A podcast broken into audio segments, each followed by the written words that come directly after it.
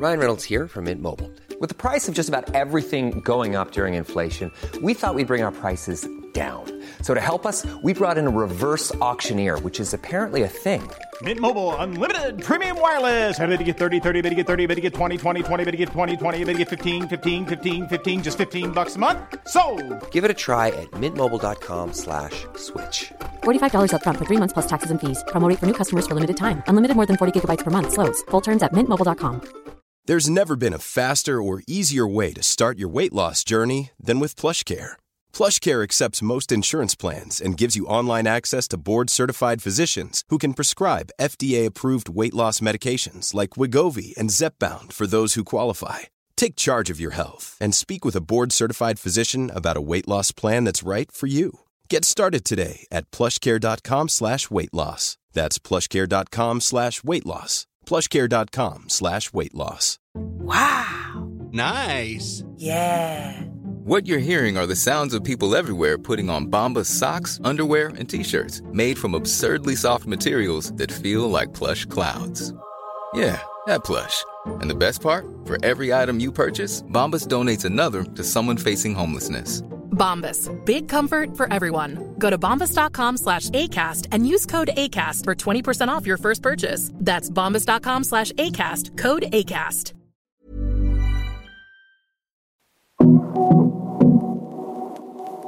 Hej och varmt välkommen till avsnitt 196 i Karriärpodden. I det här avsnittet träffar jag Karin Rådström som precis i dagarna tillträdde som chef för Mercedes-Benz lastbilar hos den tyska fordonsjätten Daimler. Hon lämnar då både Sverige och Scania där hon senast haft rollen som försäljnings och marknadsdirektör och en plats i koncernledningen. Det är för sig Inget konstigt för Karin att byta land som delvis är uppvuxen i Kanada och jobbat i Östafrika. Men arbetsgivare är inget hon har bytt så ofta. Med 16 år inom Scania då hon började som trainee efter studierna på KTH och sen haft flertalet ledarroller, bland annat ansvarat för utvecklingen av uppkopplade fordon och varit chef för affärsområdet Buses and Coaches. Karin spelar en viktig roll som förebild i den mansdominerade fordonsindustrin. Det här blir ett samtal där vi förstås kommer att prata om just det och hennes syn på ledarskap och vad hon har tagit med sig från elitidrotten som roddare på landslagsnivå. Men också om tuffa stunder och om livet när det inte bara går som det är tänkt. Innan vi drar igång vårt samtal vill jag passa på att tacka Karriärpodden och Women for Leaders samarbetspartner, nämligen Volkswagen Group Sverige. Tack för att ni gör det möjligt att fortsätta sända Karriärpodden och lyfta fram förebilder. Här kommer nu avsnitt 196 med min gäst Karin Rådström. Jag heter Eva Ekedal.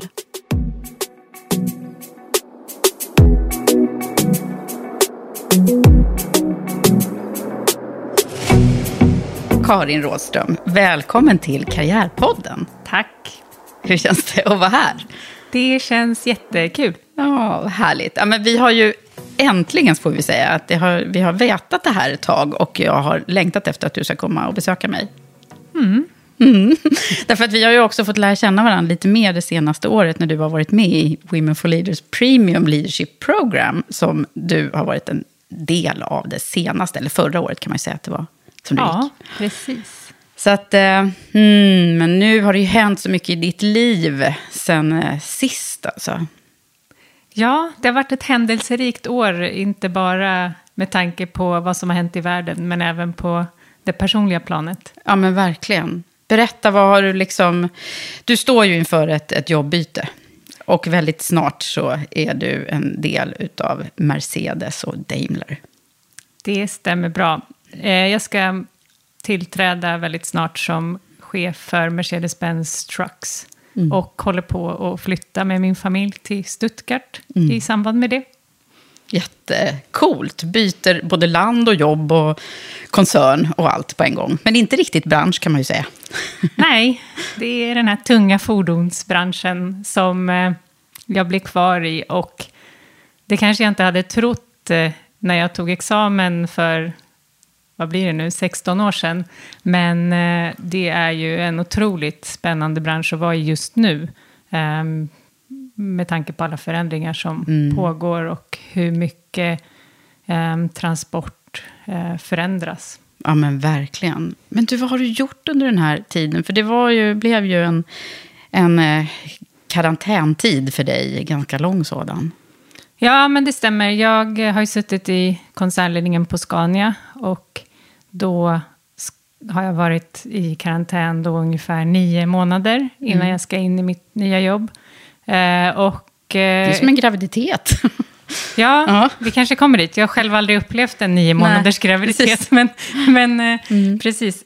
Eh, Jag har egentligen fokuserat väldigt mycket på återhämtning. De senaste fem åren har varit jätteintensiva i mitt liv, både privat och professionellt. Jag har blivit mamma till två pojkar och jag har samtidigt egentligen tagit ganska stora professionella steg.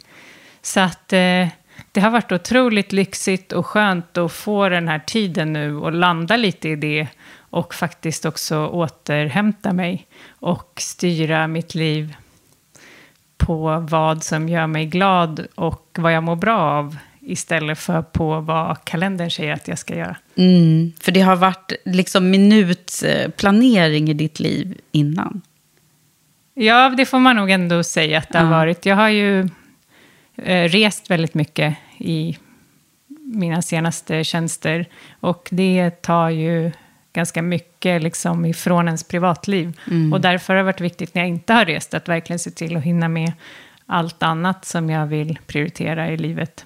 Så vad gör man då, då när man ska återhämta sig från det där vanliga minutlivet? Eh, I början var jag nog inte så bra. Jag liksom, eh, det var nästan som att jag hade ett jobb fast jag inte hade det. Så jag körde på och planerade in massa grejer och så. Men sen så hade jag ett jättebra samtal med min mentor, Monica Lingbo, som är HR-chef på Axfood. Och eh, hon liksom fick mig verkligen att fundera över vad är det som jag blir glad av och vad får mig att må bra. Och eh, då landade jag i såklart familjen, min man och mina två barn. Att eh, ha mer tid med dem. Inte minst hämta på dagis, som jag eh, inte har gjort så mycket sista åren. Nej. Eh, men också att eh, faktiskt ha kvalitetstid med mig själv. Jag insåg att jag har inte varit själv överhuvudtaget sista åren, förutom när jag har suttit på ett plan, kanske på väg till Sao Paulo eller Bangkok eller Australien. Så att, eh, Och då jag- har du bara läst en massa... Ja, då har man ju oftast haft lite press på att det ska presteras ganska mycket. Eh, nej, men så jag har varit en del själv. Jag har varit mycket i Ramenberget i fjällen. Och eh, både... Ensam då? Ja, bo, mycket ensam faktiskt. Flera gånger också med vänner och med familj. Eh, med min brorsa och min pappa och sådär. Eh, nej, men och egentligen bara legat där på soffan och, och funderat över allt som varit och allt som ska komma. Ja. Vad har det kommit för tankar då? då? Det är ju ganska spännande så här, när man får verkligen tillfälle i livet att stanna upp och, och tänka till. Ja, bra fråga. Eh, Jag, eh, nej men jag tror att, alltså, att, att stanna upp gör ju att man ser allt som finns som man ska vara tacksam för. Så att jag tror att jag har blivit väldigt ödmjuk för hur bra livet är just nu. Och ehm, att jag är på en bra plats eh, där jag mår bra och där jag har väldigt fina människor runt mig. Och att jag har hunnit njuta och ta in det på ett annat sätt. Mm. Ja, men det är ju eh, få förunnat såklart att liksom få den här tiden i livet när man... När man för det, oftast hinner man ju inte liksom tänka när det bara snurrar på. Och speciellt inte när man sitter i en koncernledningsroll som du gjorde här på, på Scania med allt. Jag vet ju, jag såg ju hur, hur ditt liv såg ut. Det, det, var liksom, det var ju verkligen minuter och en agenda som fullspäckad. Mm. Vi fick stjäla liksom tid med dig lite emellanåt. Ja. ja, ja. Men du Karin, nu ska vi ju gå till botten med, eh, för, med dig, höll jag på att säga. Och också försöka förstå hur, hur din resa har sett ut. För det är ju, det är ju, du är ju en förebild i en, en väldigt eh, mansdominerad industri. Eh, det finns inte så många Karinar eh, som, som har gjort just den här resan. Så jag tänker att vi har massa att, att lära oss av dig. Men då måste vi börja från början. Du vet att jag är sån. Jag vill gärna höra så här. vad hände från allra första början? Ja, Uppvuxen i Nynäshamn. Nynäshamn. Ja. Och om vi blickar tillbaka där då, vad, vad hittar vi då? Jag är uppvuxen i Nynäshamn som sagt med mamma och pappa. En storebrorsa, Johan. Och eh, ja, bodde där tills jag var 12. Samma hus. Hade aldrig suttit på ett flygplan. Liksom hade inte rest så mycket och så vidare. Men eh, sen när jag var 12 så flyttade vi till Kanada med familjen. Ja, hur kommer det sig att ni gjorde det? Min pappa fick jobb där på Ericsson. Så det var ju liksom en ganska stor förändring då. Från eh, lilla Nynäs till stora Toronto. Och eh, ja, som sagt, jag tror att det var första gången jag satt på ett flygplan. Så landade vi på Newark. Liksom.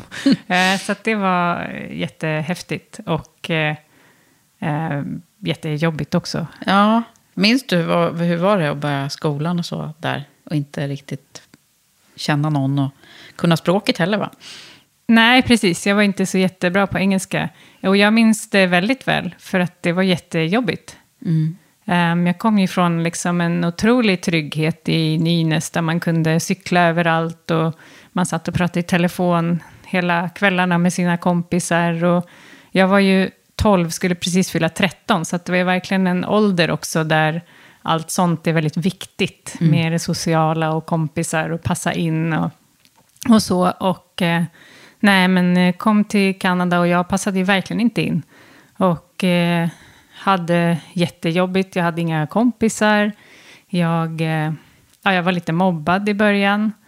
Och eh, det var ju inte så kul. Jag längtade bara hem till Nynäshamn. Min mamma berättat att jag sa någon gång så här, ja, när jag blir vuxen ska jag gifta mig med en svensk och jag jag ska bara gifta mig med honom om man lovar att aldrig flytta därifrån. Så att, eh, det var väl ett tecken lite på hur, hur jag mådde. Nu är det du som flyttar tänker jag här, men okej. Ja, nu ska jag göra det här till mina egna barn. Ja, okej. Så det där var ingen, ingen rosenskimrande tid, eh, tonårs, begynnande tonåren där då? Nej, eh, och bara för att, jag har ju funderat jättemycket över det här kopplat till att liksom, jag nu väljer att göra det här med mina barn. Och hur jobbigt det var för mig själv när vi gjorde det. Och eh, jag tänker som så att det handlar ju som förälder om att ge sina barn rötter och trygghet, att de ska stå stadigt. Men någonstans måste man också börja växa ut grenarna. Och för mig var ju det där perioden också eh, en tid då grenarna började växa.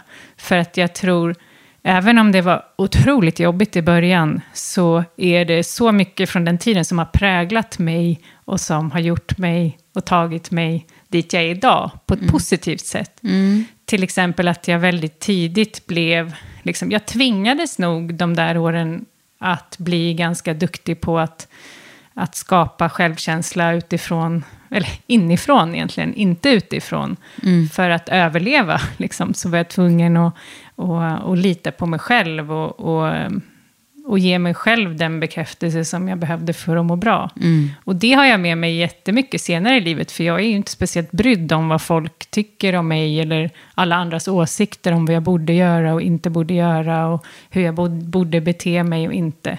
Och det tror jag kommer från att jag liksom tog mig igenom den perioden eh, och kom ut liksom fortfarande stående på två fötter. Det är ju häftigt hur, du, hur, hur kroppen ändå, eller liksom, hur vi människor fungerar i de här lägena. Eh, på, på ett bra sätt. Du byggde upp någon form av liksom, egen barriär där, eller vad man ska säga. Så att du kunde ge, ge dig själv eh, det du behövde. Ja, och sen var det ju så, vi bodde där sju år, bodde jag. Eh, och eh, det här var ju framförallt de första kanske två åren. Sen så blev jag ju mer kanadensisk än jag var svensk. Eh, och eh, då blev det nästan tvärtom. Att, att det var jobbigt att komma hem till Sverige för att jag inte passade in. Och det kommer liksom nya ord och nya trender och nya liksom sedlar som jag inte kände igen och sådär. Så att det vände ju ganska fort eh, i den åldern. Ja, man är ju väldigt anpassningsbar som barn ändå. Alltså. ja, verkligen. Okej, men sen kom du hem. Ja, mina föräldrar det här har jag förstått lite i efterhand. De väntade ut liksom, att jag skulle gå ut high school. Det tyckte de var en bra timing som passade med när de skulle komma tillbaka till Sverige. Men när jag gick ut high school så um, vägrade jag följa med dem till Sverige. Så att eh, då blev jag kvar själv i Mm. Kanada och började plugga där på ett universitet, Queens University. Och de flyttade tillbaka hem. Mm. Så då var du liksom, bodde du själv?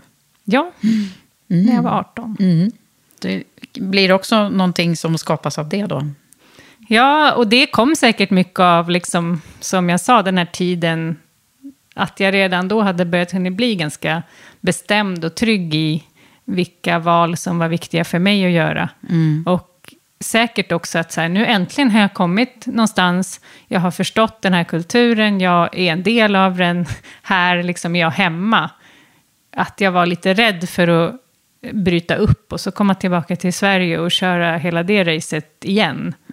Eh, Men sen när jag hade bott i Kanada ett år så övertygade mina föräldrar mig att jag skulle komma tillbaka, i alla fall testa att bo i Sverige, lära mig lite svenska, ehm, eh, koppla tillbaka till släkten som jag inte hade träffat och min ja, farmor, farfar, mormor som började bli gamla och så. Så då, ehm, ja, då tänkte jag, då kommer jag tillbaka ett år och ja, Testa testar lite. lite. Och sen, då började jag på KTH och eh, trivdes jättebra direkt. Och eh, sen blev jag kvar då. Sen blev du kvar. Så att det fanns som kanske någon plan där Ja, början men- som jag inte heller hade riktigt fattat. Nej. Hur kom det sig att det blev KTH då? Var det förut bestämt? Ja, så är det i vår släkt. Mm. Så gör man. Finns det några andra val? Nej, men det var, jag, hade, jag hade ett teknikintresse, jag gillade matte och jag hade egentligen ingen aning om vad jag ville jobba med. Så det kändes nog mycket som en, en öppen utbildning där jag fortfarande hade mycket valfrihet efter att jag hade läst färdigt. Ja, men eh, det är ju eh, skönt när man liksom ändå vet vad det är. Man, det är ju väldigt eh, många som inte, som, har- som man bara chansar där i början. Men det var ju väldigt rätt för dig kan man ju konstatera. Jag måste erkänna när jag pluggat, jag satt, tänkte inte på att jag skulle börja jobba sen, utan jag bara gick Det här verkar där vara och, kul plugg liksom. Ja, men lite så. Jag hade verkligen ingen bild av vad jag skulle bli, eller vad jag skulle jobba med. Nej. Eller ens vad jag var bra på. Att du skulle bli chef då, visste man det? Inte jag själv, kanske folk runt mig kunde se det. Men eh, det var till och med så att när jag sen började jobba, jag började på Scania då, Mm, som trainee. som trainee. Och eh, när jag hade varit trainee och även jobbat kanske två år, så, så blev den gruppen jag jobbade på blev för stor, så man behövde dela den. Och min dåvarande chef, Claes Nyqvist, han kom till mig och sa, Karin, så här, jag tycker du ska söka här eh, och bli gruppchef. Och jag var så här, ja, nej, men jag kanske vill bli chef någon gång, men jag känner inte riktigt att jag, att jag är redo och jag vet inte. Och han tittade på mig och sa, Karin, du är redo. Och sen sökte jag jobbet och, och fick det. Och så när jag hade börjat och jobbat några månader så kände jag ju så här, men wow, liksom, det här är var grejen. Ju, här var ju precis rätt. Så du behövde den där lilla knuffen då kan man säga. Är han din första, en av dina första sponsorer kanske? Ja, absolut. Ja, Eh, och han är en förebild fortfarande så tillvida att jag har alltid tänkt sen dess att jag vill också vara den chefen som, som ser potentialen i människor innan de ser det själva. Och det gjorde han ju. Ja, det gjorde han ju verkligen. Men det där tycker jag är så härligt när man hittar de där nycklarna. När man reflekterar liksom över så, ja, men då, var- det var då jag liksom klev in i det här också. Ja. Så där hittar vi första chefsjobbet. Sen är det ju en lång karriär på Scania. Eh, Ja. som, eh, är det 16 år som det blev? ja, 16 år blev det. Eh, Eh, och då kan vi inte liksom gå in i allt du har gjort där. Men vi måste ju summera på något sätt. Hur gör vi det? det får du göra. Nej, men jag har väl eh, haft eh, egentligen lite olika typer av jobb. Jag har hela tiden varit inom sälj och marknad. Först fem år inom lastbil och sen kanske fem år som blev väldigt viktiga år för mig. Där jag var med och startade upp, kan man säga, vår verksamhet kring uppkopplade fordon och uppkopplade tjänster. Som från början var verkligen liksom en liten periferiverksamhet eh, som ingen, inklusive jag själv, fattade vad de höll på med. Till att vi liksom insåg att datan vi får från det uppkopplade fordonet eh, är ju hela kärnan i vår affär. Och vi också då under den perioden verkligen började använda data till att förstå mycket mer om våra kunders beteenden. Alltså hur mycket körs bilarna, vad har de för snitthastighet, eh, hur ska vi serva dem på bästa sätt. Um, till att också använda datat i våra egna processer. Vi kan ju till exempel se hur olika segment går i olika länder. Beroende på hur mycket, mm. till exempel våra anläggningsbilar i Italien om de kör mycket, ja, då är ekonomin på väg uppåt och då kan vi använda det ja, till hur vi planerar vår verksamhet. Var, och det här var ju ganska tidigt ute då, eh, med att förstå datans värde då. Ja, absolut. Mm. Och sen idag gör man ju ännu mycket mer mm. grejer. Mm. Men det var väl liksom ett tjok. Och sen efter det flyttade jag till Kenya, Precis. jobbade där. Nu måste vi ju... Va? Helt plötsligt så hamnar du i Kenya. Ja. Nu har vi en flytt till i Karins liv. Ja, just det. Ja, hur, hur, berätta, hur gick det där till då? Eh, ja, egentligen var det så att jag och min man Daniel hade bestämt oss för att vi ville göra en adoption. Och sen när vi började titta på olika länder så blev vi lite... Ja, men vi tyckte att Kenya kändes spännande. Och eh, då var det så i Kenya att adoptionsprocessen byggde på att man bodde där under ett antal månader upp till ett år. Och just då visste jag att Scania höll på att köpa och sätta upp en egen distributör i Kenya. Så jag frågade min dåvarande chef om han trodde att jag skulle kunna jobba där. Och han sa ja direkt. Mm. Eh, helt fantastiskt. Så eh, då blev det så att vi flyttade dit och gjorde vår adoption där. Och samtidigt så kunde jag vara med och starta upp eh, Scania Östafrika. Ah. Så du jobbade under själva adoptionsprocessen? Ja, precis. Mm. Eller vi delade lite. Jag jobbade kanske 75 procent och Daniel 25. Eh, och sen, men han var då mest föräldraledig. Och sen när vi flyttade hem från Kenya var jag föräldraledig. Mm. Så hur länge blev det i Kenya? Ja, det blev för mig eh, nästan ett och ett halvt år. Ja. Vad, vad, hur, hur var det att liksom komma dit då rent arbetsmässigt eh, och, och, jobba i Kenya kontra Sverige? Ja, alltså jag funderade ju jättemycket innan jag flyttade ner vilken typ av ledarskap som skulle krävas. Och jag trodde liksom att nu måste jag bli mycket tuffare och ta mer beslut. Och mm. du vet, kanske peka med hela handen, för det, det är så man gör där. Men sen när jag väl kom ner så upplevde jag inte att jag behövde anpassa mig så mycket. Alltså det är ganska mänskligt att, att man vill ta ansvar för sitt arbete, att man vill vara med och få påverka. Och det kräver egentligen samma typ av ledarskap oavsett vilken kontext eh, man befinner sig i. Mm. Sen så fick jag jobba lite mer hands-on med att coacha medarbetare. Därför att det, de kom ifrån en kultur där det verkligen var så här, men om du gör fel så jobbar du inte kvar. Eh, Medan jag försökte skapa en kultur där det är så här, åh, gjorde du fel, vad bra, då ska vi se hur vi... vad vi har lärt oss av det. Ja, vad vi lär oss, så att vi, hur gör vi så att det inte sker igen? Ja. Eh, så det var ju lite annorlunda. Och sen såklart själva frågeställningarna som blir ju hands-on på ett helt annat sätt. Eh, och, och också alltså hela kontexten. Det är ett väldigt fattigt land, Kenya. 5 eh, av befolkningen lever med HIV. Mm. Ehm, jag menar, det var skjutningar utanför kontoret, liksom andra, tredje veckan jag var där. Oh my och, God. Eh, ja, det var faktiskt lite, det var inte roligt, men, men så här, vi satt liksom och jobbade på kontoret. Och så helt plötsligt så började det skjutas. Mm. Och alla bara slänger sig ner på golvet. Mm. Jag med. Mm. Och sen så börjar de liksom lyssna lite, så bara... No, no, it's outside the gates. Alltså det är utanför vårt område, det är lugnt. Och då sätter sig alla så här Och börjar jobba igen. börjar jobba igen. Och, och, Och jag bara, eh, okej. Och så hör man liksom bam, bam, bam, bam, bam. Och sen så visade det sig lite senare då att eh, ja, men då var det ju eh, ett väpnat rån på våran parkering mot våra anställda. Oj.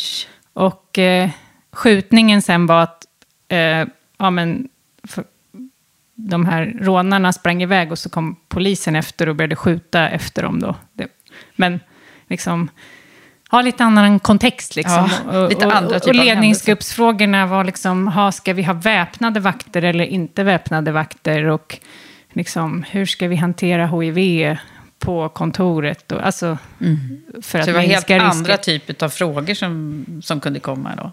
Ja, sen var det ju massa såklart liksom, mer verksamhetsfrågor som är väldigt lika de man har på alla jobb. Men, men det var en, en annan miljö, fast alltså jätterolig miljö att jobba i. Ja. Och verkligen känslan av att man kan vara med och påverka till det bättre. ja. Vad var det mer för nå nå ting som hände i Afrika, eller med dig, tänker jag, och din resa?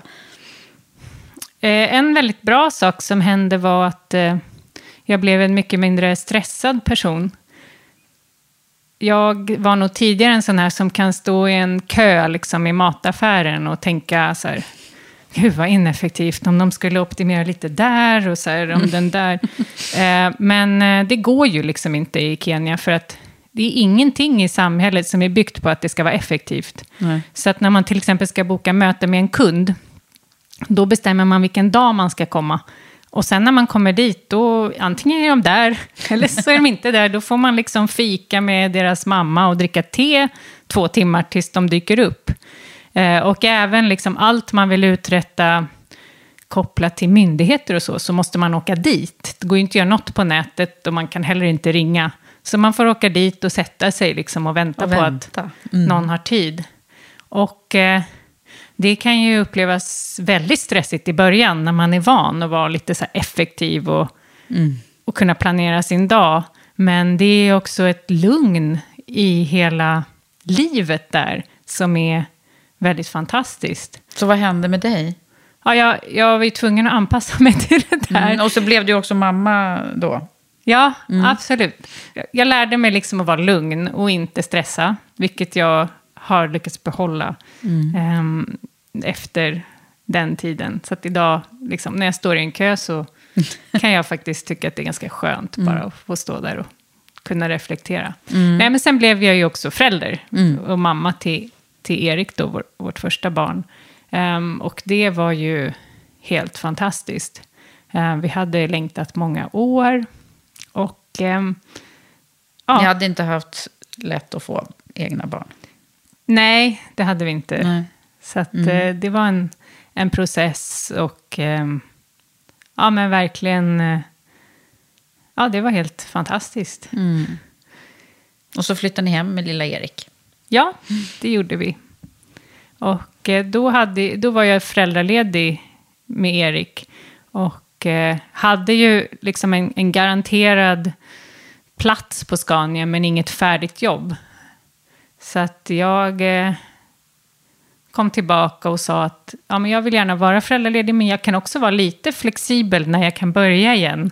För att jag förstod ju att med den typen av jobb jag var intresserad av så ska det ju också tajma och man ska ha lite flyt att, att ett sånt jobb blir ledigt. Eh, Men det händer ju ingenting såklart. För när man inte är där på kontoret då... Nej, jag ska Nej. inte säga att man blir bortglömd, men ja, det, det var liksom, jag kunde köra hela min förä- föräldraledighet som tänkt. Och när jag väl var färdig så hade jag inget färdigt jobb. Nej, Nej okej. Men jag började då ehm, ha lite dialog med eh, min chef, eller ja, den som eventuellt kunde bli min chef, Christian.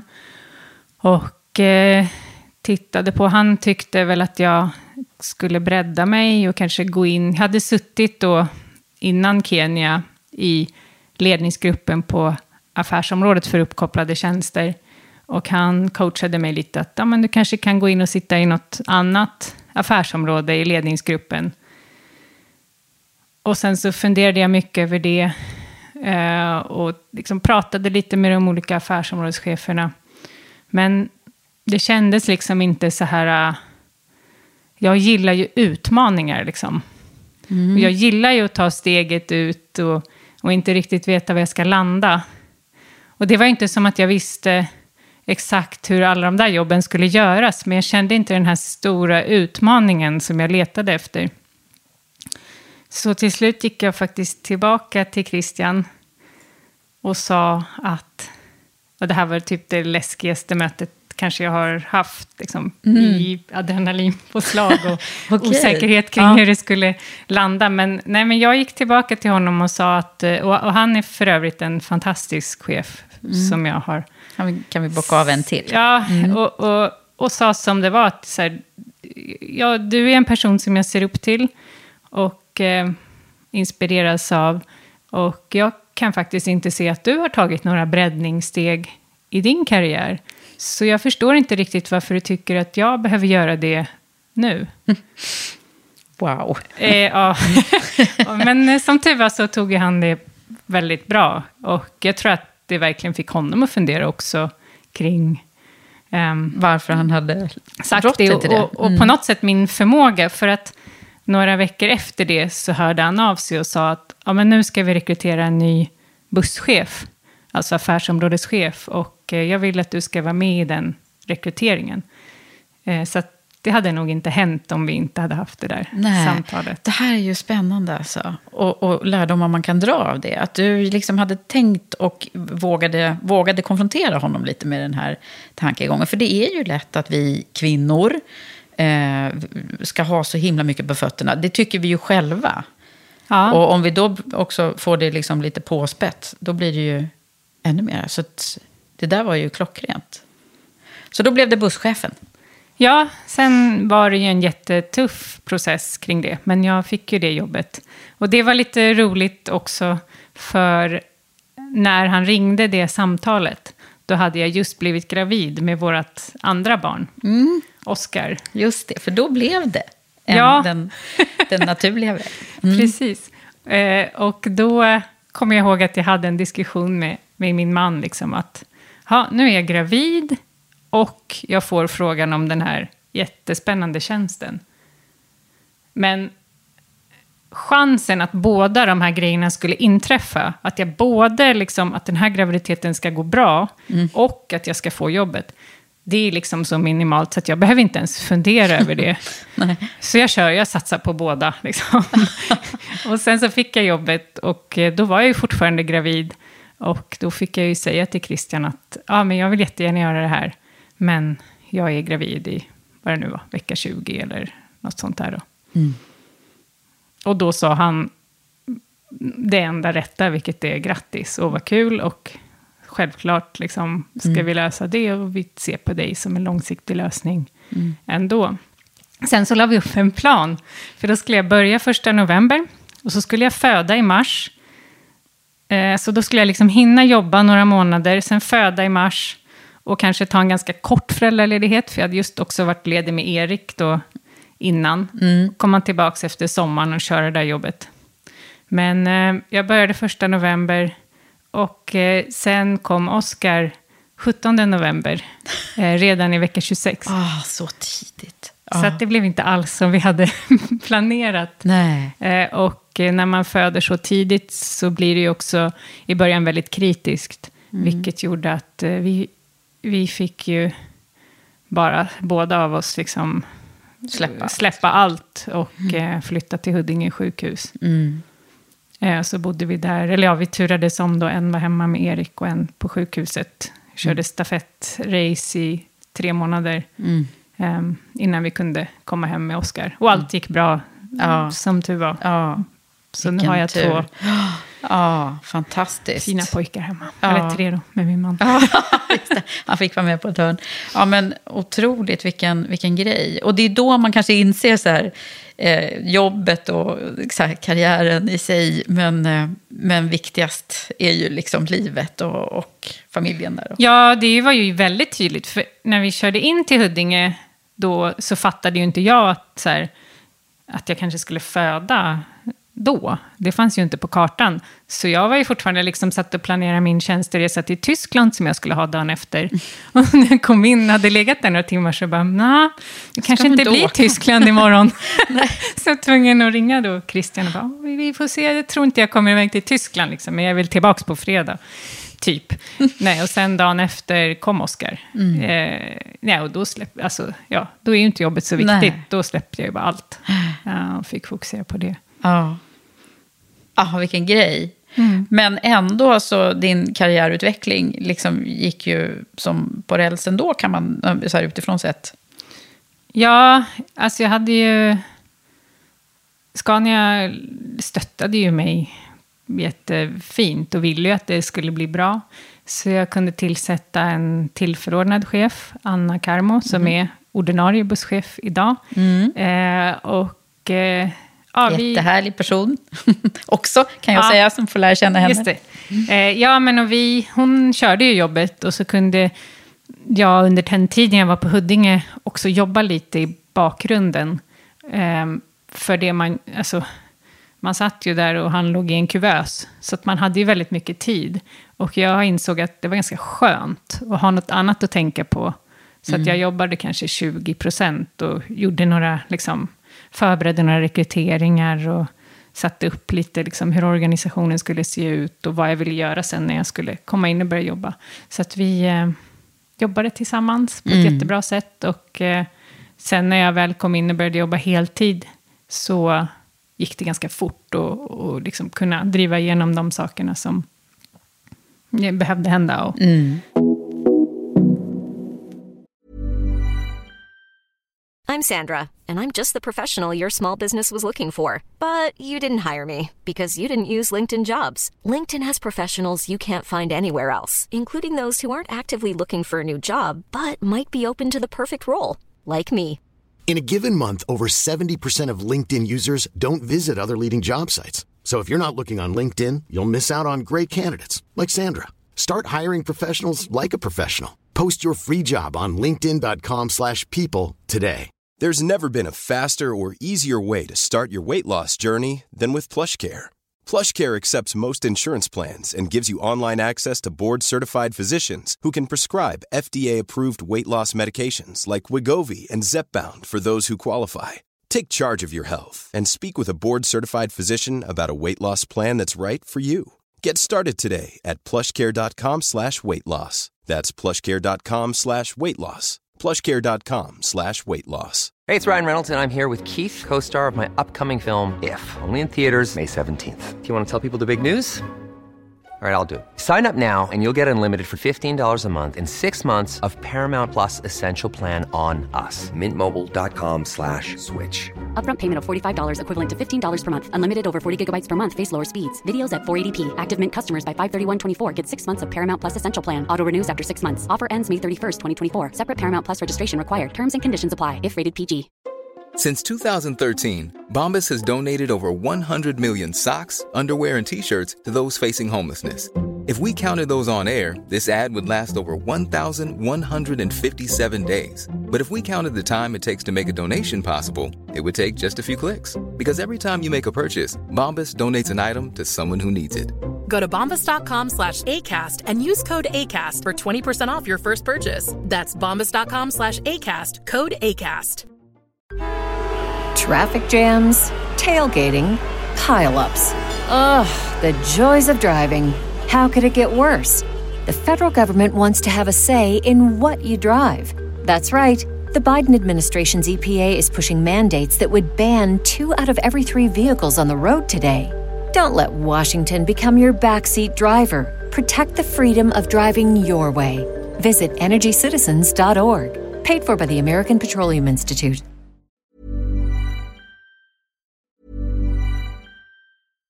Hi, I'm Daniel, founder of Pretty Litter. Cats and cat owners deserve better than any old fashioned litter. That's why I teamed up with scientists and veterinarians to create Pretty Litter. Its innovative crystal formula has superior odor control and weighs up to 80% less than clay litter. Pretty Litter even monitors health by changing colors to help detect early signs of potential illness. It's the world's smartest kitty litter. Go to prettylitter.com and use code ACAST for 20% off your first order and a free cat toy. Terms and conditions apply. See site for details. Traffic jams, tailgating, pileups. Ugh, the joys of driving. How could it get worse? The federal government wants to have a say in what you drive. That's right. The Biden administration's EPA is pushing mandates that would ban two out of every three vehicles on the road today. Don't let Washington become your backseat driver. Protect the freedom of driving your way. Visit EnergyCitizens.org. Paid for by the American Petroleum Institute. Och sen hittar man ett, eh, om vi liksom ska fullfölja din karriärutveckling innan vi går in på andra eh, frågor. Eh, så gick det ju ganska snabbt eh, att du fick den här rollen som du senast nu då har haft. Ja, det var så att Christian, min dåvarande chef, gick vidare inom Trayton, som är koncern, koncernen liksom som ovanför Scania, Mm. och blev COO där. Så hans jobb blev ledigt. Och egentligen hade jag tänkt stanna kvar på buss, för jag hade mera kvar att uträtta där. Men jag fick frågan om jag ville vara med i den processen. Och så kände jag att dels att jag ville ta chansen för att den kom, men också att jag inte visste vem som skulle bli chef där annars. Och det är ganska viktigt, tror jag, när man kör ett just inom Scania, där lastbil är liksom det stora och sen är buss det näst största affärsområdet. Det är väldigt viktigt att man har en bra chef som förstår bussaffären för att man ska ha förutsättningar att lyckas. Och jag kände att det kanske inte fanns så jättemånga kandidater som, som skulle kunna stötta mig på det sättet som Christian hade gjort. Så då kände jag att jag måste nog vara med Mm. här och, och, och, och tror Henrik... Sätta dig i förarsätet själv. Ja, ja och Mm. tror Henrik att jag klarar det här så, Mm. så är det klart att jag För klarar då det. var det Henrik som var vd. Ja, Henrik Mm. Henriksson Henrik som är vd fortfarande. Mm. Ja. Okej, så nu är vi där då. Och Mm. eh, när man tittar på din karriärväg här så undrar jag också hur, hur viktigt det har varit för dig. Eller hur, hur summerar du själv det här kring att ha varit liksom ensam kvinna i, i ganska många led eh, i, i de här chefskonstellationerna? Och inte minst nu senast då i koncernledningen. Ja, alltså jag har ju varit ensam kvinna, som du säger, i, i ganska många, eller en av få i alla fall, ganska länge. Och nästan till den grad att jag har lite svårt att analysera eh, vad, liksom, i vilken mån jag har anpassat mig utifrån det och hur mycket jag bara har kört på och varit mig själv och liksom kört mitt eget race. Ehm, om jag tittar tillbaka så, även under min uppväxt, ehm, så jag sprang orientering i Nynäshamn. Det var bara killar nästan i klubben, så att jag, jag var liksom med grabbarna. Jag har alltid haft mycket killkompisar, jag gillar sport och du ja, vet... och en eh, elitkarriär som vi också ska komma till här. Ja, just det. Ja, den också. Den måste vi prata om. Nej, men så, så jag tänker liksom... Jag tror att det är lite som när man... Om man flyttar till ett annat land, som jag har gjort ett par gånger, då liksom känner man ju in omgivningen och man, man försöker passa in och anpassar och, och vill förstå kulturen och sederna i det landet för att liksom vara en del av det.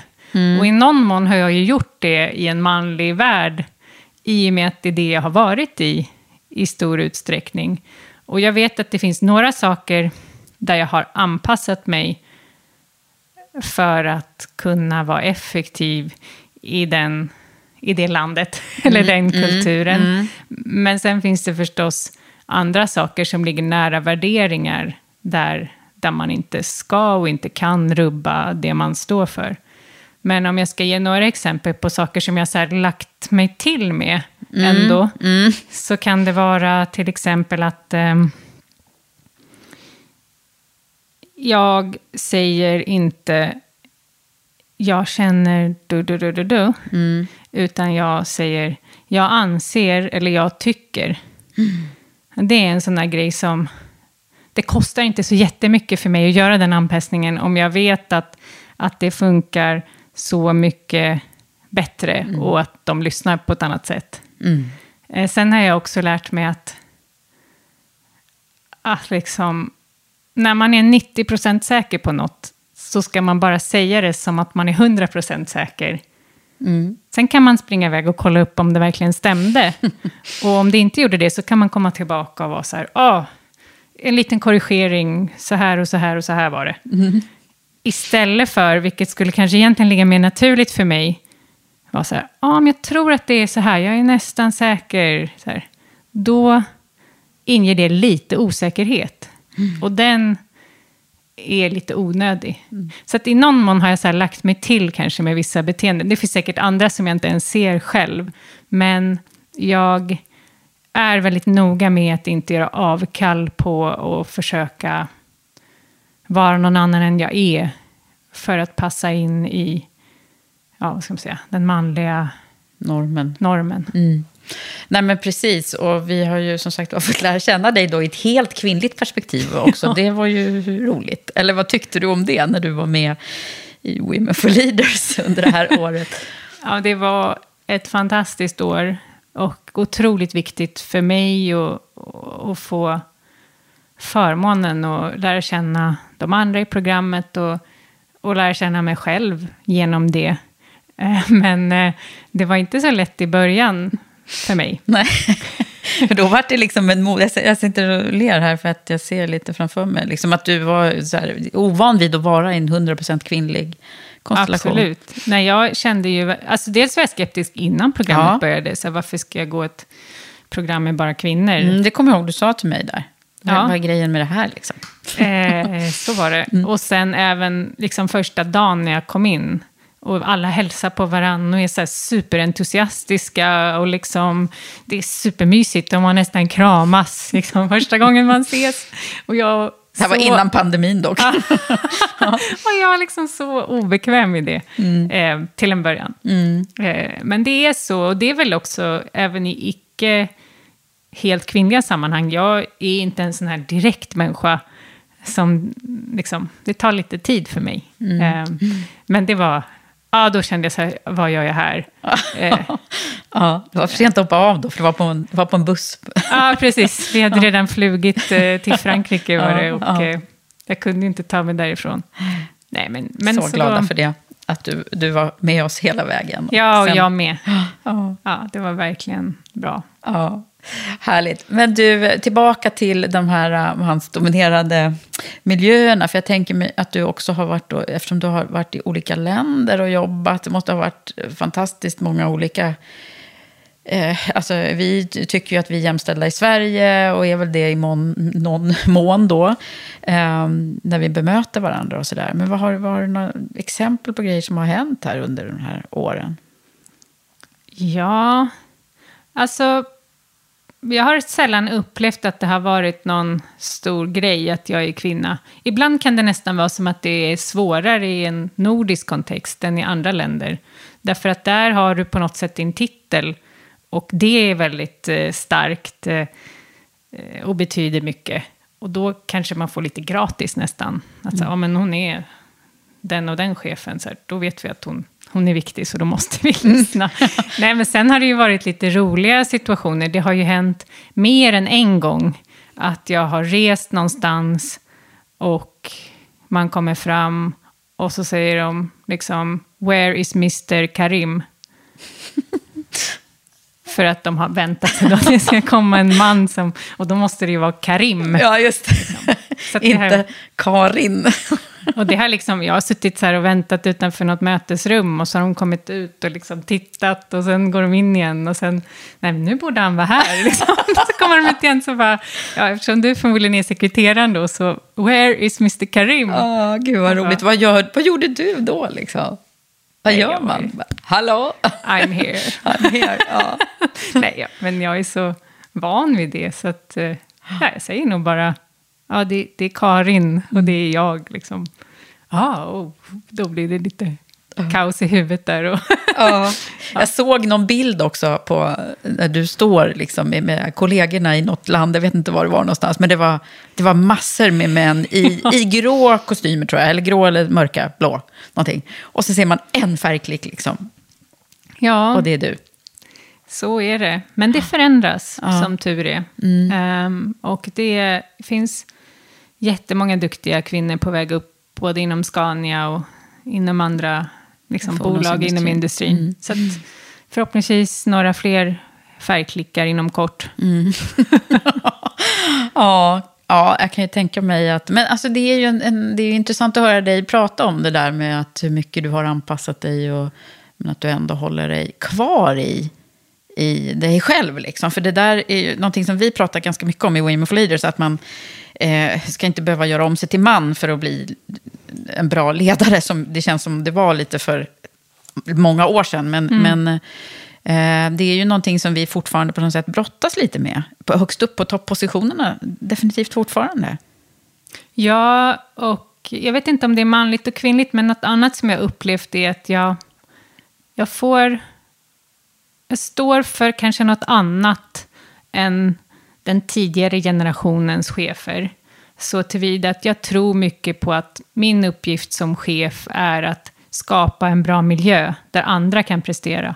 Egentligen att skapa förutsättningar för de som finns i min ledningsgrupp att kunna göra ett bra jobb.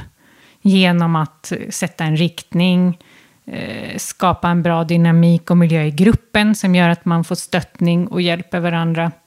Och jag tror att chefer ser liksom att ja, men det, där är liksom, det där är vägen framåt. Och, och det säger väl studier och sådär också. Men mm. det jag kan känna är att jag får uppskattning för det.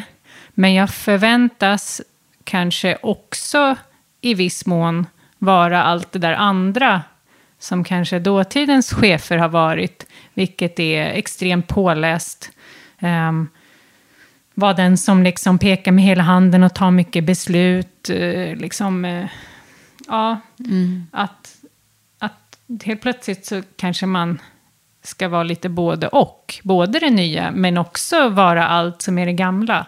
Och det är ju, liksom, kostar ju på lite. Mm. Att, att inte falla in i... Jag har fått jobba med att inte falla in i att vara... Alltså sitta och läsa på siffror bara för att jag vet att det förväntas, vad jag tror förväntas. Mm. Utan att stå för det jag tror på.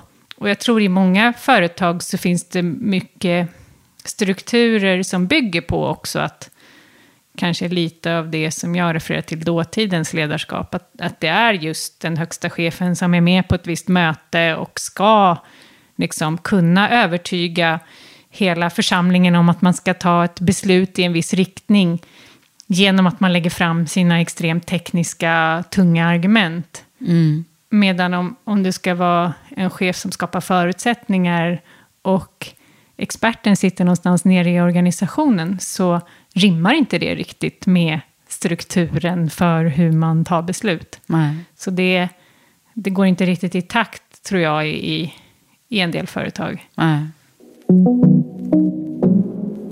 vi behöver ju prata om den här elitidrottskarriären. Så att vi får med den på mm. banan innan vi går vidare. För det är ju så, du, du var ju landslaget i rodd. Ja, det stämmer. Eh, det var faktiskt så jag ramlade in på det här uppkopplade fordon. För att då hade jag varit gruppchef hos den här mm. fantastiska Klas. Och eh, ja, jag började... Jag hade rott på, i, i skolan och på universitetet i Kanada och så även eh, när jag flyttade till Sverige, liksom till den nivån att jag var lite under landslaget. Jag vann några SM med min dåvarande klubb och så. Eh, men aldrig så att jag tog mig in i landslaget på riktigt. Men sen, när jag hade jobbat några år så började jag träna lite mer bara för att hålla mig i form. Och då insåg jag att jag var nästan lika bra som jag hade varit när jag slutade ro innan jag började jobba. Så då tänkte jag att jag måste verkligen ge det här en chans och se hur bra jag kan bli. Och då funkade det inte att vara gruppchef längre. Så då skulle jag gå ner och jobba halvtid. För att kunna träna? För att kunna träna och för att kunna vara ledig när det var världskuppar och hej och hå. Eh, och då var det här uppkopplade köret, liksom, det var enda stället det fanns jobb som man kunde göra halvtid. Så jag ramlade verkligen in i det. Nej, men då, jobb, då var jag i roddlandslaget eh, tre år. Mm. Eh, och det var ju, och jobbade typ halvtid knappt på Scania under de åren. Mm. Jättebra stöttning Mm. från Scania. Eh, ja. Vad har det här betytt för dig då? Den här liksom väldigt aktiva karriären på sidan om? Ja, men jag tror rodden gjorde... Det viktigaste som jorden, rodden gjorde för mig var att jag har blivit väldigt stark mentalt. Och att jag har lärt mig att, att liksom flytta gränserna för vad som jag tror att jag klarar av. Så i början av min roddkarriär så drömde jag väldigt mycket om att få vinna ett SM-guld. Och tyckte det var det största man kunde uppnå. Och sen så gjorde jag det. Och då tänkte jag det vore liksom så coolt att få representera Sverige och ro i världskuppen. Ja, och sen så gjorde jag det. och så Ja. tänkte jag, ja men att få ro ett VM, liksom, det vore också fantastiskt häftigt. Och så nådde jag dit. Eh, och sen hade jag ju en liten plan att jag skulle också ta mig till OS. Men jag valde att sluta med min roddkarriär innan. Vi missade precis Peking-OS. Och så då var tanken att jag skulle fortsätta till OS i London. Men av olika anledningar som vi kan kanske komma in på så valde jag efter säsongen 2010 med Ja. två år kvar att inte fortsätta på det. Då. Nej. Men, men även liksom, så att det är en grej, liksom just det här att pressa gränserna. Men även när man tränar en sån idrott så är det ju extremt jobbiga träningspass. Mm. Så ett till exempel pass som vi körde som var brutalt, det var att man kör två gånger 2000 meter max på roddmaskin. Mm. Och då tar man ju i liksom så att man, ja, Spyr. Ja, om man, om man gör som man Ja. ska så ska man spy efter, för då har man tagit ut sig liksom Ja. så mycket det går. Men man kan absolut inte gå på benen om man kryper ut och, och spyr. Liksom. Men så gör man det en dag, och så vet man exakt vilka tider man hade Då. då. Mm. Sen när man gör det veckan efter, nej, men då går det ju oftast att pressa lite till ändå. Liksom. Eh, och det där är ju jättenyttigt. Det låter lite osunt Ja, men det är lite stört. Liksom. Men, men, men det skapar ju en enorm liksom, mental styrka i att liksom, man vet att man... Någonting som känns läskigt en gång och jättejobbigt, nästa gång är det inte lika läskigt och jättejobbigt. Och ha den tryggheten i så här, ja, att göra en presentation för 3000 pers är också jätteläskigt första gången. Men jag vet liksom att om jag får göra det det... bygger liksom självförtroende i sig. Och jag tänker så här, man klarar mer än man tror alltid. Ja. Är ju klyschan, Och att få men- göra Mm. det liksom, på riktigt. Land, jag landar på fötterna här fast jag Mm. tänkte att det här är helt omöjligt. Mm. Ja. Ehm, ja, vad häftigt att höra. Eh, att, då, då låter det som det här har ju varit en ganska viktig nyckel då för din liksom, utvecklingsprocess också som i, i ledarjobbet. Och, Absolut. Och Mm. i min, ännu mer bygga på det här liksom, tryggheten tror jag, kring Mm. att jag klarar saker. mm. Sen är det ju en så uppenbar grej från rodden som är rakt översättningsbar. Det är ju att jag rodde ganska mycket lagbåt. Mm. Och då sätter man ju fyra individer i en båt och så ska man ro fort. Mm. Eh, och man inser ganska fort att det spelar liksom ingen roll hur motiverad jag är, hur vältränad jag är och hur bra jag mår, om det finns någon annan i den här båten som inte är på samma ställe fysiskt eller mentalt. Och det är ju ganska mycket så det är att jobba i en ledningsgrupp också. Mm. Att det spelar ingen roll om jag sitter två timmar till på kvällen och köttar. Liksom. Det är bättre om hela resten av ledningsgruppen och ännu hellre hela min organisation mår bra, är motiverade och sitter en Mm. kvart till varje dag för att de trivs. Verkligen, det är så här teamarbetet. Team is everything brukar vi Ja. Det är verkligen Ja. det som är nyckeln. Mm. Okej, men du Karin, om man skulle också få dyka ner lite i... eh, Vi vet ju att eh, de flesta eh, karriärresor och liv är ju inte bara ett rosenskimmer. Det finns ju tuffa stunder och sådär? Vad, vad är det för någonting som kommer när, vi, när, du, när jag säger det? Ja, det är lite svårt att definiera tycker jag. För jag känner som att livet och jobbet har inte alltid gått i takt för mig. Eh, och speciellt som vi har pratat om senaste åren har ju varit verkligen berg och dalbana. Men något som var verkligen en topp jobbmässigt, det var den här perioden när jag jobbade med uppkopplade tjänster. Mm. Det var liksom kul och det, vi expanderade. Vi gick från 200 till 100 000 uppkopplade fordon på fem år. Och från i början att man ringde våra bolag då och sa nu vill vi köra igång med det här tjänsteutbudet. Och de i princip bara, men liksom, dra åt helvete, så här, vi är inte intresserade. Mm. Till att de ringde två år senare och bara, när kan vi köra igång, det här är så häftigt. Så att det var så här, jättekul. Samtidigt så var det en period där jag jobbade jättemycket. Vi hade just flyttat från Stockholm eh, ut till Enhörna på landet. Vi höll på att renovera vårt hus. Eh, och eh, jag var runt 30. Så att det var ju så här, man var på middagar ibland. Och så kunde man se att alla satt och snegla. Ah, dricker hon vin eller? Punkt, punkt, punkt. Och ja, jag var inte gravid. Men det var nästan som att jag var tvungen att dricka vin bara så att inte folk skulle Mm, tro att jag var det. Mm. Så, här. så att eh, det var otroligt tufft privat och samtidigt jättekul på jobbet. Men eh, det slutade med att jag nästan gick in i väggen. Mm. Så jag kom till jobbet en dag och bara började gråta liksom, med min Mm. chef. Mm. Eh, och så fick jag åka hem. För det var liksom prestation i det här på något sätt. Att det skulle... Nu Ja. förväntas det. Nej, men det, ja, det var det. Eller jag ville ju också Mm. liksom, att allt Mm. skulle gå i rätt riktning i livet. Mm. Nej, men eh, sen så var det väl också så här, det var ju nästan som en, att vi höll på med en startup, Mm. fast inom kontexten för ett storföretag. Så att det var extremt rörigt. Det var liksom, man ändrade riktning på eh, vad vi skulle fokusera på hela tiden. Och eh, jag har ju en så jättestark liksom, pliktkänsla nästan att jag ska leverera. Och det är väldigt svårt att leverera i en sån miljö. Mm. Ehm, så det var nog flera olika Så det saker. var rörigt eh, på jobbet också kan Ja, det var rörigt även Mm. om det var kul. Ehm, nej, men så efter det så... Jag blev aldrig sjukskriven, men jag slutade jobba över helt. Jag slutade kolla mejl på helgen och jag slutade jobba på kvällarna. Eh, Så jag kände som att jag levererade kanske hälften av vad jag hade gjort innan. Men det sjuka var att var så, ingen märkte något. Nej. Jag bara, nu är ni nere på lågvarv liksom. Ja. Alla bara, det går jättebra för dig. Ja, okej. Så det var ju en väldigt nyttig Ja, men insikt. verkligen. Okej, det kanske blir till och med bättre leverans. Liksom, om Ja, man- säkert Mm. också för att jag inte bara stressade och... och ehm, Nej, så det där var en, en dal kan man säga då. ja, det var nog en, en ganska rejäl dal när man ser tillbaka. Mm.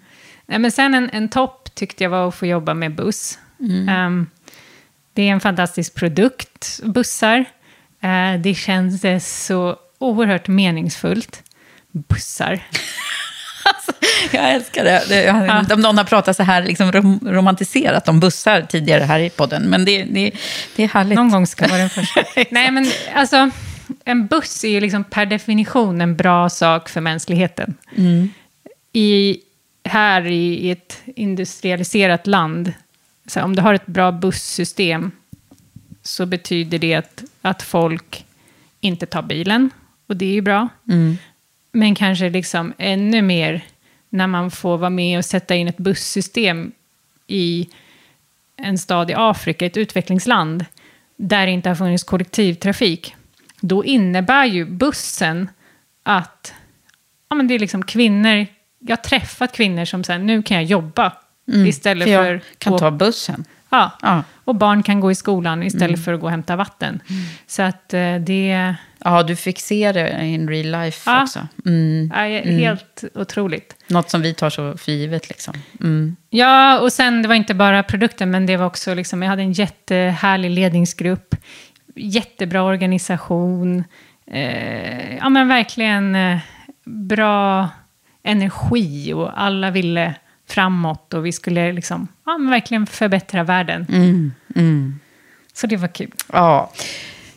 Men du, jag tänker på det här med ledarskap också och vad du själv har. Både, alltså man kan ju, det vet, jag brukar ju fråga ibland så här, vad, vad, är, vad är en bra chef liksom, eller ledare? Eh, och och eh, jag vet ju att du har haft många, många chefer på, på Scania, men också hur du själv eftersträvar att vara. Mm. Du kan få filosofera lite kring det där, tänkte jag. Kul. ja, men jag har ju nämnt några. Mm. Claes som trodde på mig. Och sen Christian, då, min, min chef när jag var busschef. Det som jag gillade hos honom var att han verkligen... Jag kände att han hade handen i ryggen alltid. Eh, och han la sig inte i detaljer, utan, men han stöttade mig när jag behövde det. Och sen hade jag ju förmånen att jobba med Henrik Henriksson. Eh, han är ju oerhört skarp och smart och utmanade mig intellektuellt liksom, på, ett, på ett jättebra sätt. Men jag tror egentligen det viktigaste och det starkaste med Henrik är att han är väldigt autentisk och, och ja, han är sig själv. Mm. Och man känner det, att han vill att det ska gå bra för mig och för Mm. Företaget. Ja. Sen min egen filosofi. Jag tror att det viktigaste jag kan göra som chef är att skapa förutsättningar för mitt team att leverera. Och det handlar ju först och främst om att sätta riktningen och målen och att, och att det är tydligt och, och strategi och allting kopplat till det. Sen om man har en någorlunda komplex uppgift att lösa som ledningsgrupp, då tror jag att det också blir väldigt viktigt att man fungerar bra som team. Så det är något som jag har lagt väldigt mycket tid på i egentligen alla mina ledningsgrupper sista åren. Att få ihop teamet och att skapa en miljö där man kan vara sårbar och man kan be om hjälp och där man också har roligt tillsammans. Mm. Så, och det kan man göra genom olika metoder, men jag tror att det handlar mycket om att, att ha, alltså, när man ska till exempel iväg på en offsite två dagar, så har man alltid mer frågor som man vill hantera än man har tid för. Och det är så himla lätt att man kör alla operativa frågor, för de känns alltid viktigare än att lägga tid på teambuilding med gruppen. Men då måste man vara väldigt tuff. Och så prioriterar man upp det där med att man ska också jobba med gruppen. Mm. Det har man igen. Absolut. Mm. Då blir man ju mycket mer effektiv när man ska ta sig an de operativa frågorna. Ja. Men det är lätt att sitta och säga i en podd, men det är sjukt svårt att göra den prioriteringen. Ja, jag förstår. När det liksom siffrorna brinner där på något sätt. Ja. Men du Karin, sen är det ju det här med att jag har ju också en eh, samarbetspartner som heter Volkswagen Group Sverige. Som eh, alltid skickar med en fråga som är kopplad till det här med ledarskap. Och som handlar om inkluderande ledarskap. Eh, och då brukar jag be mina gäster att man får exemplifiera vad det betyder konkret liksom, för en. Vad inkluderande ledarskap är. Jag kanske kan ge ett exempel på ett icke-inkluderande ledarskap för att illustrera. Mm, Eh, För ett par år sedan så var jag med en kvinnlig medarbetare, eller en kvinnlig chef från min ledningsgrupp på ett viktigt möte. Där man skulle bestämma vilka projekt som skulle få budget. Och det gick väl liksom okej sådär. Men vi kom ut ifrån mötet. Så var det en, en högre manlig chef som kallade till sig oss. Och så gick vi liksom in i ett litet sidorum. Och så sa han så här, tjejer, alltså, ni måste slå näven i bordet lite mer, ryta ifrån lite mer och ja, skrika till. Och han sa ju det i all välmening, liksom, i någon sorts typ av coaching. Men för mig är väl det liksom ett ganska bra exempel på ett icke-inkluderande ledarskap. Så tillvida att, eh, att det handlar om att man kan liksom, man ska göra sig till någon annan än man är för att få genomslag i en viss miljö. Mm. Och jag tror tvärtom att det inkluderande ledarskapet, det handlar ju om att, att man verkligen på riktigt ser de olika personerna som finns i gruppen och att de liksom verkligen får blomma ut och, och att vi lyckas dra nytta av deras bästa sidor Mm. och som team då prestera Precis. bättre. Mm. Och det handlar, vilket bra exempel, för det handlar ju väldigt mycket om vad ledaren gör i de här sammanhangen. Alltså att hur man får ut det här eh, Ja. av alla på något sätt. Mm. Sen en annan aspekt kring, kring att, att ha ett inkluderande ledarskap tror jag handlar om att man måste se hela människan. Något som jag inte trivdes så bra med när jag var elitidrottare var att man liksom blev ett med sin prestation. Mm. Det är ju väldigt rimligt på något sätt när man är inom en elitidrott att liksom den som är bäst är också den som är viktigast. Mm. Eh, men det får ju inte nödvändigtvis de andra att må så bra.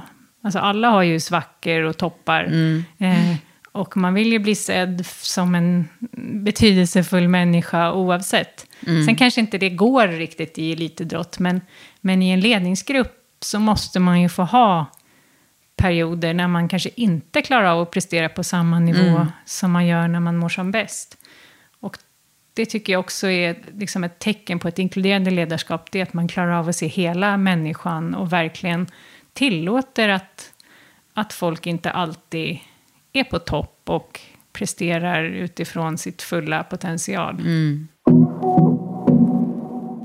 Men när man tittar på din karriär, och, eller din, ditt liv, kan man väl säga. Vi behöver inte, alltså det här med karriär är så himla laddat. Jag håller på och, och funderar på om jag ska döpa om den här podden för övrigt. Men det, eh, därför att det är ju inte bara karriär vi pratar om här, utan vi pratar ju om hela livet. Eh, och, och då undrar jag, så här, vad är det som har varit avgörande för dig? Eh, för att du har tagit dels de stegen du har gjort i, i livet liksom, och i karriären. Vad, vad hittar du för liksom, viktigaste nycklarna? Ja, men Jag tror flytten till Kanada förstås. Mm. Att tidigt få stå på egna ben. Och sen också då att vara kvar där själv. Flytta hemifrån egentligen när jag redan var 18 och, och vara trygg i det. Det är det första. Och sen tror jag att jag hamnade på Scania. Vilket var inte givet. Det var inget jag hade tänkt när jag pluggade. Eh, och att jag fick bli chef tidigt och få det förtroendet. Sen var det naturligtvis jätteviktigt den här flytten till Kenya. Både för att jag fick bli mamma men också för att jag hoppas att jag förändrades till en bättre och mer ödmjuk person. Mm. Ehm, ja, sen är det ju något som har hänt ganska nyligen. Och det var ju att Mercedes ringde. Mm. Precis, det är också en avgörande nyckel. Det kommer ju vara ganska avgörande för de nästkommande åren. Mm. Men om vi skulle prata om det då, vad är det för, eh, för... Det var ju många som kanske höjde på ögonbrynen där, för det var ju en, en väldigt lång och fin då karriär i, inom samma koncern och det var ju kanske, fanns ju lite utstakade vägar där, kanske för dig. Vad, vad, hur gick tankegångarna här? Ja, alltså, jag blev kontaktad av en rekryterare. Och, eh, Det var inte vi, tyvärr, på EQ. Nej, Nej. en annan. Mm. Eh, och ja, först trodde jag de ville ha en Sverigechef. Så, eh, men sen när jag förstod att det var att liksom bli vd för hela Mercedes lastbilar, då kände jag att jag måste ändå fundera på det här. Och jag var inte alls på väg bort från Scania. Scania har ju präglat mitt liv på ett positivt sätt och Mm. varit otroligt betydelsefullt. Och jag var inte alls färdig på den rollen jag hade. Men jag tänkte att det skulle ändå vara roligt att prata med Ola Källenius, som är vd på Daimler, och förstå lite mer om utmaningarna. Och det kanske kan vara något liksom i framtiden sådär, som kan vara intressant. Eh, Men sen hade jag ett jättebra samtal med Ola och han beskrev utmaningarna kopplat till eh, att driva en förändring i bolaget. Både vad gäller liksom att fokusera mer på kund, eh, såklart förbättra på lönsamheten, hoppas vi ju på. Eh, men också modernisera, ta in lite mer modernt ledarskap och nytt tänk. Eh, göra det lite mer internationellt. Så det kändes ju som ett så extremt spännande uppdrag. Sen var det såklart också roligt att få helhetsansvaret från att ha på Scania var jag sälj och marknadschef. Mm. Till att få helhetsansvaret. Eh, och sen när vi började prata om vad vi vill som familj så kändes det som att det var en stor möjlighet för oss att komma ut på ett litet äventyr. Mm. Så att då började det väga över lite. Och eh, ja, Mm. nu är vi på väg in i något nytt. Ja, verkligen. Så spännande att få följa, fortsätta följa dig. Men du, Karin, om vi skulle summera lite. Vad är det för någonting som du vill skicka med då utifrån eh, dina lärdomar och, och sådär? Ja, men en sak är ju att ta sig tid och jobba med sin grupp och skapa en, liksom ett klimat där det finns tillit och öppenhet. Man har liksom inte tid med det, men man måste ta sig tid och som du sa, det betalar tillbaka sig alltid. Mm. Sen, något som jag har lärt mig, som jag var jätteduktig på när jag var roddare, det var att ha en lika stark strategi för prestation som för återhämtning. Mm. Eh, det är ganska självklart när man är idrottare, men egentligen borde det vara minst lika självklart när man är hög chef. Mm. Man måste veta var man får sin återhämtning och man måste prioritera den. Ehm, så det har jag, jobbar jag fortfarande på själv, men jag Mm. vet att det är viktigt och jag försöker bli bättre och bättre på det. Och nu har du fått träna lite extra mycket på det. Ja, precis. Mm. Nej, sen tror jag också att ta sig tid för reflektion. Jag har ju förmånen att jobba med Charlotte Berg, som eh, är min buddy från Mm. Women for Leaders. Nej, men, och och vi hörs varje vecka och, och diskuterar eller pratar lite om vad har vi lärt Och ni har oss. fortsatt med det efter programmets slut. Ja. Ja, det är så härligt. Ja, Ja, och det är så enkelt liksom. Men vad hände den här veckan? Vad har jag känt? Vad har jag lärt mig? Och sen har jag själv haft lite så olika fokusområden för mitt eget ledarskap eh, under den här perioden. Då kan man lägga till också. Så jag hade en... Jag har alltid pratat om att feedback är väldigt viktigt. Så då, i tillägg till den här reflektionen med Charlotte, så skrev jag också ner vilken feedback har jag fått och vilken feedback har jag gett den här veckan. Och kunde jag inte komma på fem feedbackar som jag har gett och fått, då, då behövde jag förbättra mig. Liksom. Så att, att liksom inte bara springa runt mellan möten, utan liksom klära kalendern och, och ha några timmar och tänka vart man faktiskt är på väg. Det Mm. tror jag är väldigt viktigt. Ehm, Gud vad bra. Det där be- behöver man ju göra liksom oavsett eh, vad man håller på med egentligen. Alltså det skulle ju alla människor behöva göra. Mm. Jag vet att tidigare i mitt, eh, när jag var eh, på ett jobb, då gjorde vi fredagsrapporter. Det är ju liknande det som du, Mm.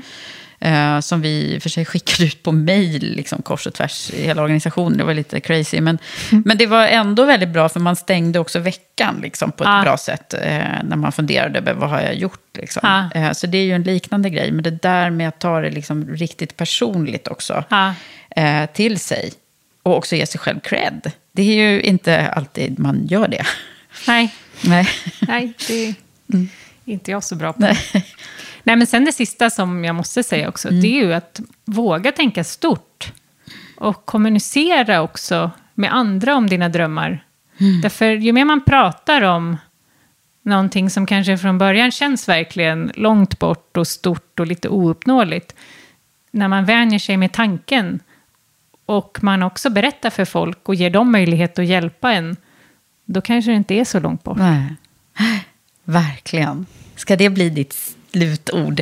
Våga tänka stort. Och det, vi kommer ju att få se dig nu i den här nya konstellationen och nya rollen. Det ska bli så spännande. Ja, tycker jag också. Ja. Lycka till, Karin. Tack. Hoppas att du gillade det här avsnittet. Stort tack till dig som har lyssnat på mig och min gäst Karin Rådström. Du som gillar det vi gör i Karriärpodden och Women for Leaders, du följer väl oss i alla sociala kanaler och prenumererar på podden så du inte missar när nästa avsnitt kommer ut. Och vill du stötta oss så får du gärna gå in och stjärnmarkera och skriva en kort kommentar om varför du gillar den här podden i iTunes. Jag vill också slå ett extra slag för EQ Executive Search. Searchbolaget som rekryterar moderna ledare med ledorden EQ och equality. Gå in och läs mer om oss på eqexecutivesearch.com. Det var allt från Karriärpodden den här gången. Jag heter Eva Ekedal. Vi hörs snart igen.